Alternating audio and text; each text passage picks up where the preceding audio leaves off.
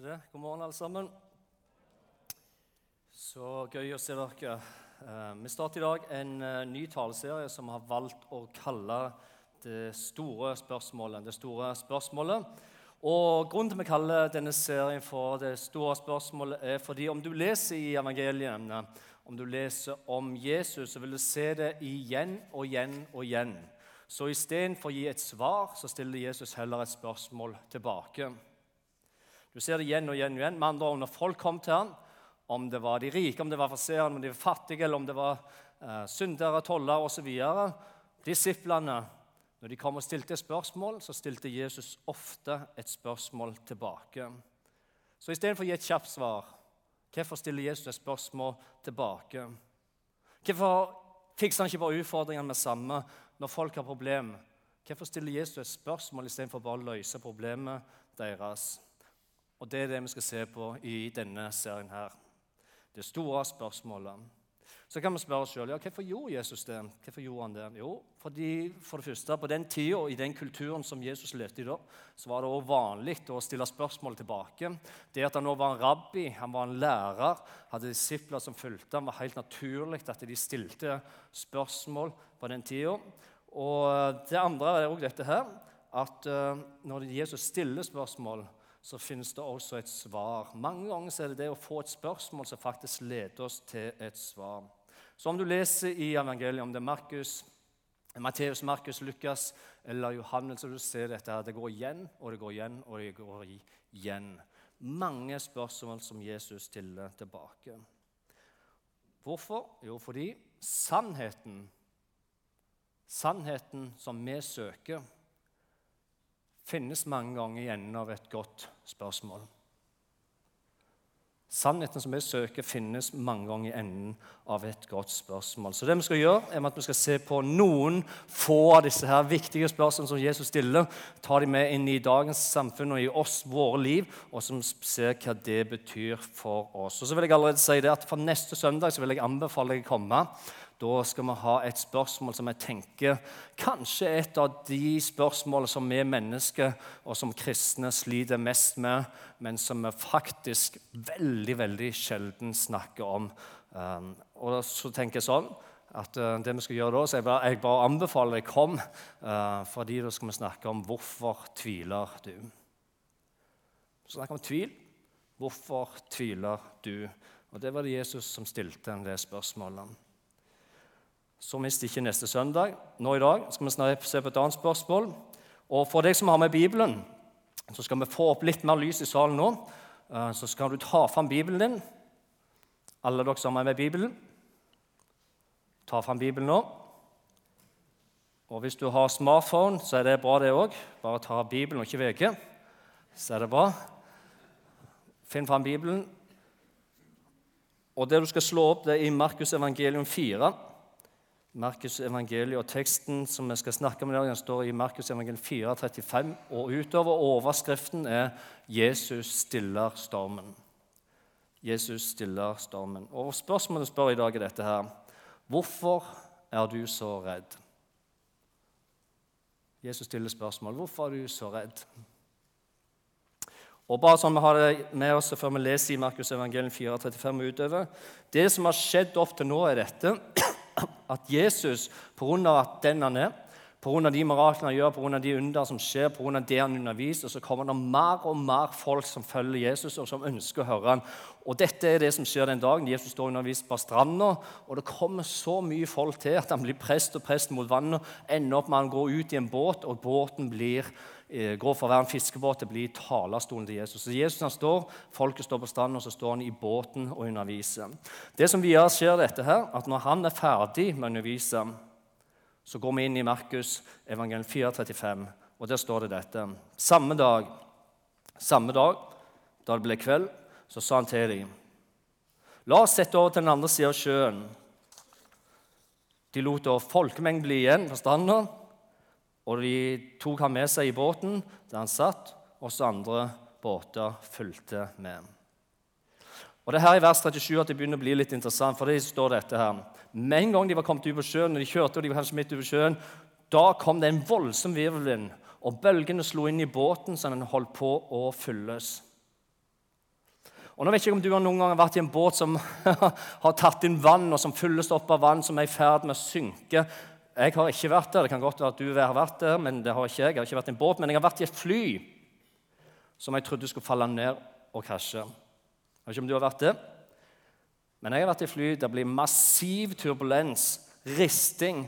Og all min erfaring sier da at når du ser rundt deg, så trenger du ikke ha vært troende i det hele tatt, men av en eller annen grunn når det skjer, så er det ganske mange som begynner å be. Når ristingen kommer, når stormen kommer, og det de roper inni seg, er 'Hjelp, Gud'. Hvis du hører meg, Gud, hvis du er der, så hjelp oss ut ifra dette som skjer nå. Og Det er grunnen denne situasjonen disiplene til Jesus er i. De ser stormen, de ser bølgene, de kommer inn i båten, og panikken tar dem. Det er liksom 'Hjelp!' Hvis du er der, hvis du hører meg, så hjelp oss nå. Og hvor var Jesus? Hva var det Jesus holdt på med?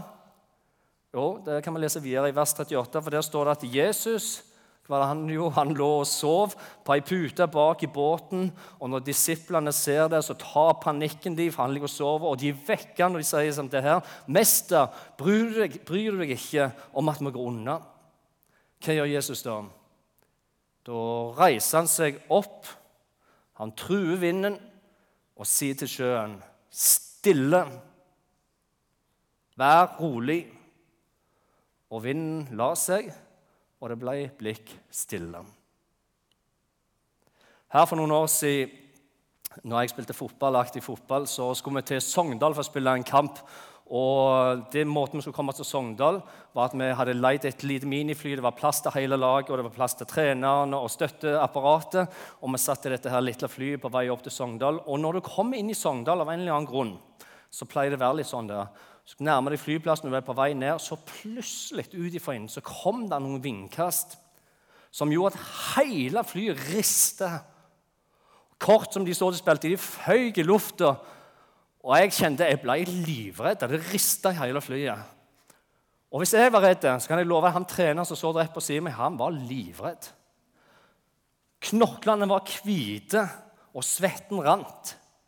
For han hadde flyskrekk på forhånd.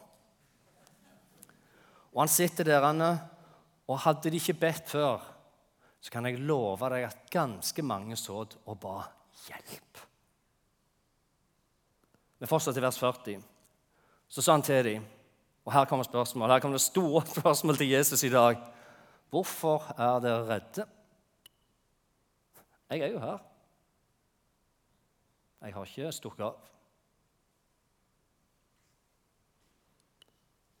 Hvorfor er dere så redde? Har dere ingen tro? Har dere ennå ingen tro? Og de, altså disiplene, ble grepet av stor frykt, og de sa til hverandre, 'Hvem er han?' Både vind og sky Nei, sky, ikke sky. Sjø adlyder han. Både vind og sjø adlyder han. Hvem er han? Og nå vet jeg at dette med vind det er ikke en stor greie her i Lyngdal, men på Jæren, der jeg kommer fra, der er det litt større greier. Det kan være veldig fint sollag i de, de ene minuttet. Du kan gå rundt og det kan være helt stille, og så plutselig ut ifra ingenting så kommer vinden inn fra sjøen, og du kan få ganske heftige vind i løpet av noen få minutter på Jæren. Men det er ingenting i forhold til Galilea, der som disiplene var. På den sjøen de var, så, så var de på en sjø som ligger ca. 210 meter under havnivå. En dal, og det kommer masse Når vinden kommer gjennom det, så kan det være helt blikkstille.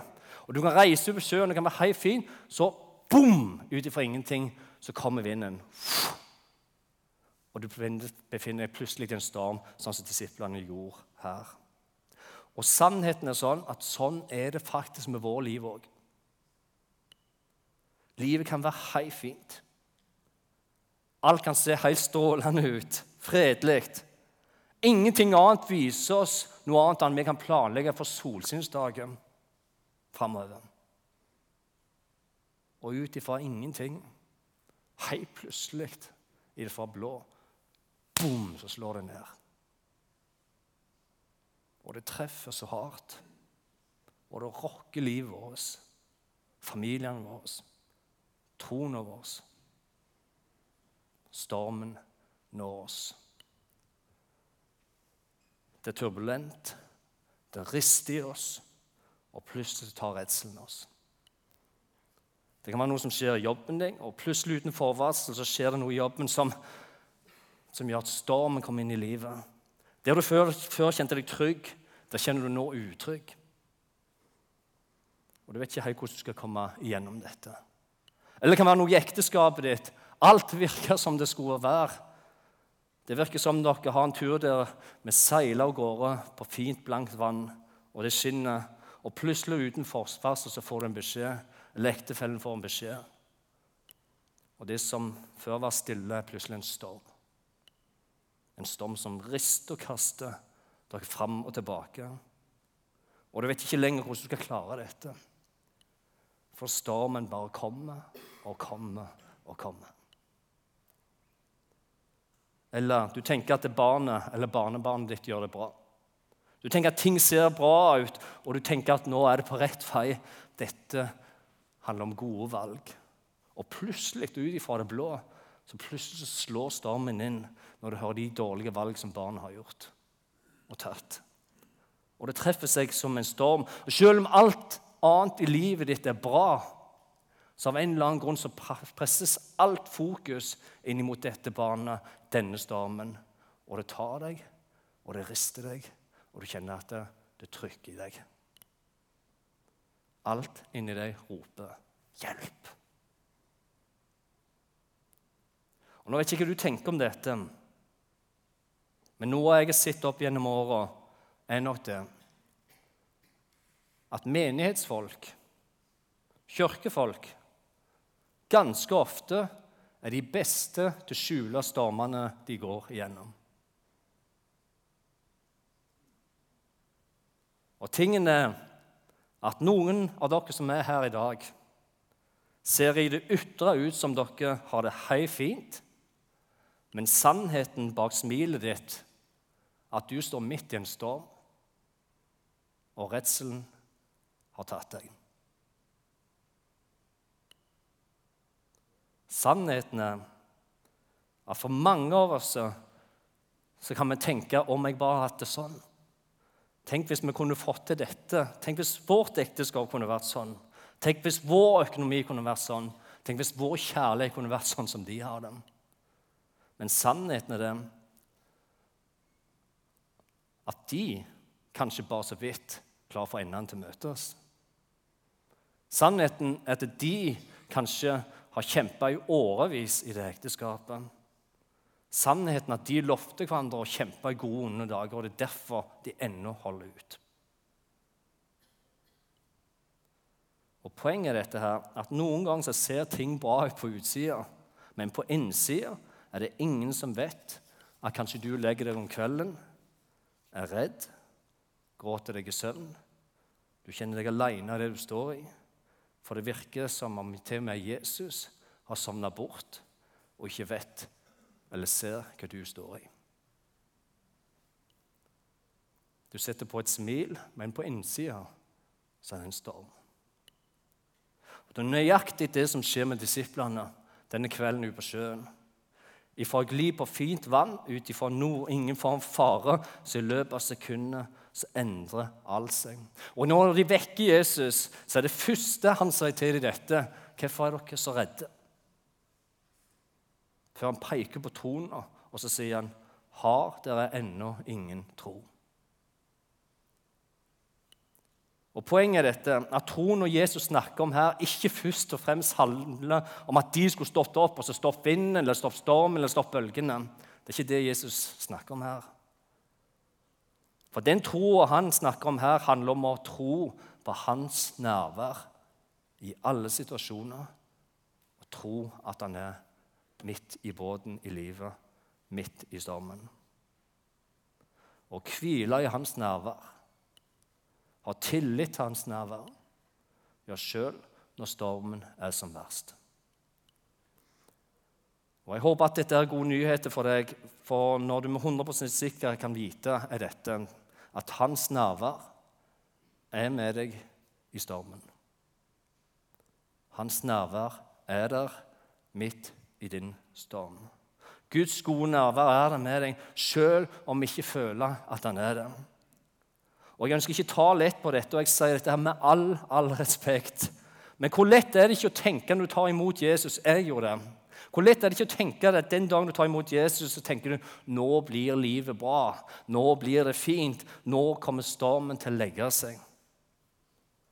Og hvor lett er det ikke å tenke andre veien. Hvorfor må jeg oppleve dette, Gud? Dette virker jo ikke logisk i det hele tatt. Når vi tror på deg, skal vi ikke slippe dette? Dette er helt uforståelig. Men sannheten er den at Jesus aldri lovte at vi skulle slippe stormer i livet. Jesus sier det sånn Dette har jeg sagt til dere for at dere skal ha fred i meg.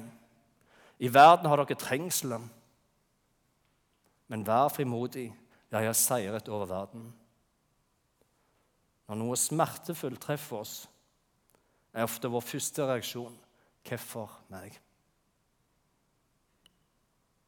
Men den som har lært noe av Gud, den som har gått med Gud, den som kjenner Jesus, Bibelen og livet, kan like godt spørre dette spørsmålet hvorfor ikke meg?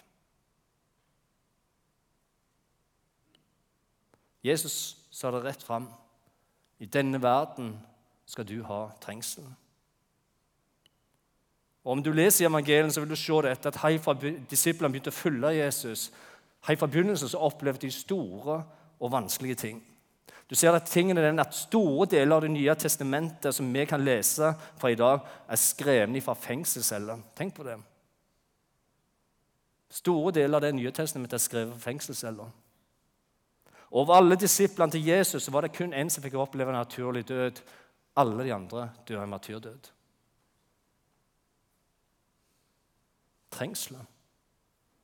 Og Jeg vet ikke hva du tenker om dette, her, men for, hvor fort kan vi tenke, og i hvert fall jeg tenker, også de Av alle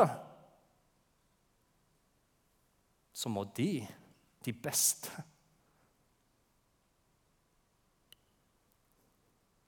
så må de lide sånn. De beste.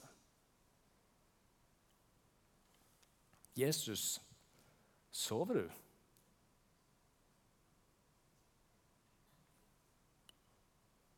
Ser du stormen? Ser du ikke trengselen?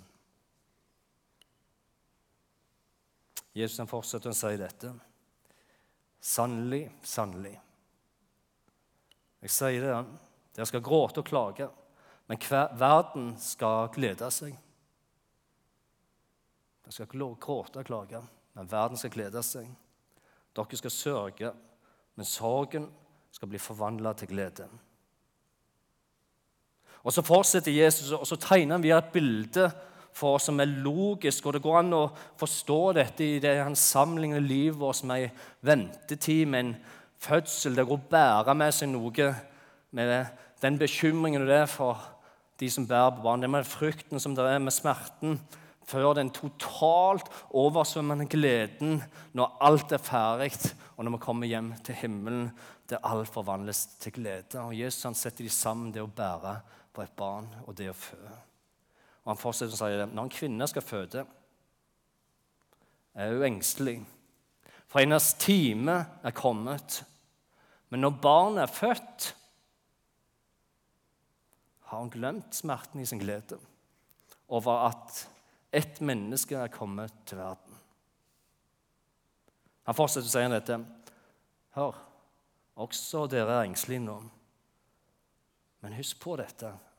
Jeg skal se dere igjen. Og hjerten deres skal glede seg. Og ingen skal kunne ta gleden ifra deg. For på den dagen skal dere ikke ha noen ting mer å spørre meg om. Og Jesus han, han, setter ord på det som ikke er lett å forstå for oss. Han setter ord på vanskene våre, ord som 'dere skal gråte', 'dere skal klage', 'dere må ha smerte', 'dere skal være engstelige', 'dere skal oppleve trengsel', og dere kommer til å sørge. Men det er ikke alt han sier. For han stopper ikke der. For han sier også dette her, at han er nær, og han er til stede i alle tinga som vi går gjennom. Og den dypeste tro, den dypeste tilbedelse, er ikke å synge en sang, selv om det er fint. Men den dypeste tilbedelse vi mennesker kan oppleve i vårt liv, er å bli værende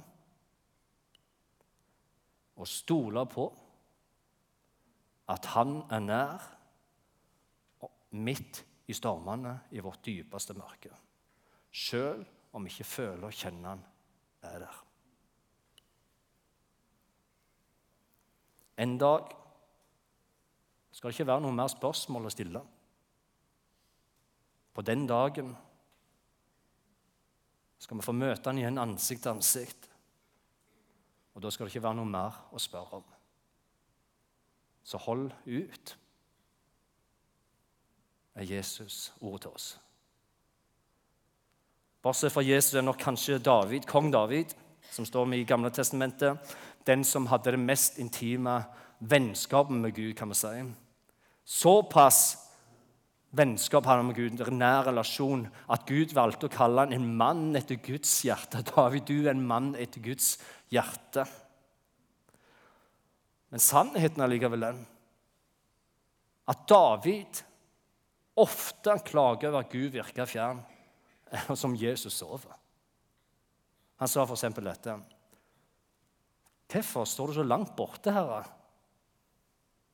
En mann etter Guds hjerte. Hvorfor skjuler du deg i trengsel?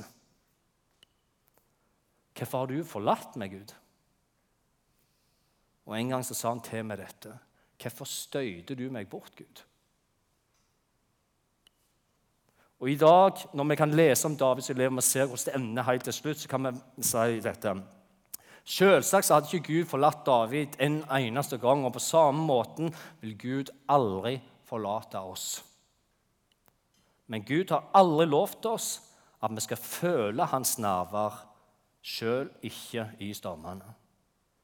Tingen er at det er lett å tilby Gud når vi har medgang i livet, når han sørger for mat, når vi har gode venner, når familien har det bra, når helse er der og lykken er der. Men det er når stormene kommer, og livet ikke er så bra, at spørsmålet kommer fra Jesus.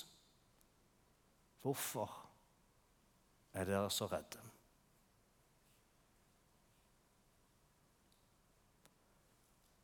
For hva gjør vi? Hva gjør du når Gud virker en million mil vekke? Når det virker som Jesus faktisk sover og ikke får med seg hva som skjer?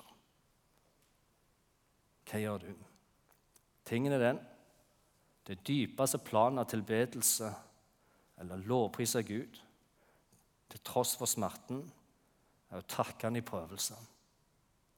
Stole på han og vite at han vet best. Når disiplene så stormen ta tak i båten, og bølgene kom inn i båten, da fikk de panikk. Og de vekker Jesus, og de sier dette her. 'Mester, bryr du deg ikke om at vi går unna?' Bryr du deg ikke? Og Det viser dette at da reiste Jesus seg. Han trua vinden og sa til sjøen, 'Stille, vær rolig.' Og Vinden la seg, og det ble blikk stille. Så sa han til, dette, til dem, 'Hvorfor er dere så redde? Har dere ennå ingen tro?' Og Poenget her er ikke om at det er en storm eller ikke, for den stormen den er der, og den kommer. Men poenget er dette at vi må aldri la nærværet av en storm føre at vi tviler på Herrens nærvær.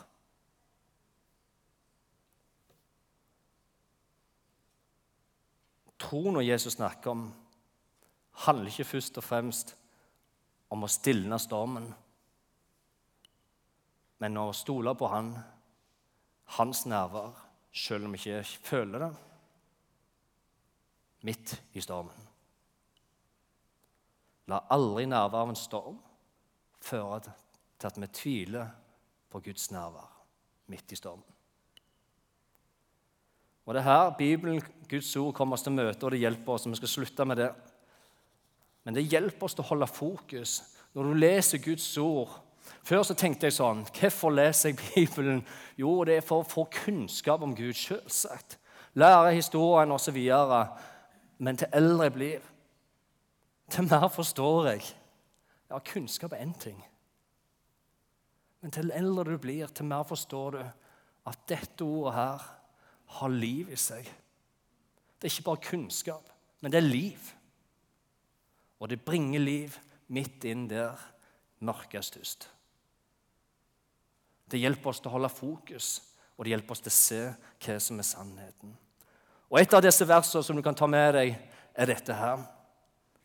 Gud er vår tilflukt og vår styrke, en hjelp i nød og alltid nær. Ja, når jeg kjenner meg redd, når det blåser opp, når bølger slår inn i livet. Du er min tilflukt. Du er min styrke her òg. Du er en hjelp i nød og alltid nær. Et annet vers du kan suge til deg og ville ta med i stormene dine, dette her. Hebreerne 13, 5b. For Gud har sagt hva Gud har sagt. 'Jeg svikter deg aldri, og jeg forlater deg ikke.' Aldri? Nei, aldri. Helt sikker? Ja, helt sikker. Salme 105 sier dette. Herren er god, evig er hans miskunn. Hans trofasthet var til slekt til slekt. Det er Bibelen, og det er Guds ord. Ja, Herren er god. 1. Peters brev 5, 10-11. En kort tid må dere nok lide. En kort tid må dere nok lide, men all nådens Gud, som ved Kristus har kalt dere til sin evige herlighet. Han skal utruste dere, han skal gi dere kraft, og han skal styrke og stille dere på fast grunn. Makten er hans i all evighet. Amen. Johannes 14, 27. Fred etterlater jeg dem. Min frihet, fred gir jeg der, ikke den fred som verden gir. La ikke hjertet bli grepet av angst og motløshet. Jeremia 29, 11. For jeg vet hva for noen tanker jeg har med dere, sier Herren. Det er fredstanker og ikke ulykkestanker. Jeg vil gi dere framtid og gi dere håp. Jesaja 41, 41.10. Frykt ikke for jeg er med deg. Vær ikke redd, for jeg er din Gud. Jeg gjør deg sterk, og jeg hjelper deg, og jeg holder deg oppe med min rettferds høyre hånd. La aldri nerver av en storm føre til at vi tviler på hans nærvær. Så når vi slutter i dag, denne her første taleserien dette her store spørsmålet Jesus stiller, hvorfor er du redd? Så skal David han skal komme opp nå, og han skal være med å spille litt til slutt. Og Vi skal bare slutte av i stillhet. Vi skal be sammen. Og så kommer jeg til å stille deg et spørsmål. Og svaret på det spørsmålet, det har du. Og bak et godt spørsmål så finnes det alltid et svar.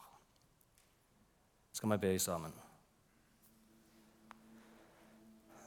Gode Far i himmelen, jeg takker deg for at uh, disse ordene som vi har delt i dag, disse få versene fra ditt ord Det er sannheten som møter oss midt i vår liv, midt i vår storm, midt der vi kjenner at livet er beintøft. Gode Far i himmelen, jeg takker deg for når du snakker om tro her, så snakker du ikke om vår prestasjon her. Men du snakker om å stole på at du er nær, at du virker gjennom oss. At den relasjonen som vi har med deg, fører til trosmålet som vi får lov til å oppleve. Takk, gode Jesus, for du har lovt oss i ditt ord at det kommer en dag der vi skal stå ansikt til ansikt, alle sammen og møte deg. Og på denne dagen skal det ikke være noen sorg, ingen smerte, ingen sykdom, ingen plage. Ingen stress, ingen jag, ingen prestasjonsjag, ingen sammenligning med andre. Ingen forventninger, ingen krav. Og ingen stopp. Så når vi leser ditt ord, vi leser disse versene, så er det fordi, Herre, at du ber oss om å holde ut. Du ber oss ikke gi opp. Og du ber oss om å stole på deg. At selv om ikke vi føler det, så må vi tro at du er nær. Midt i stormen, Herre. Så jeg ber for oss alle nå, Herre, når vi stiller dette spørsmålet til slutt, må du våke våge å være til stede med din ånd. Berøv vår hjerte og vår liv, Herre og forvandle det som skal forvandles, Herre. I Jesu navn.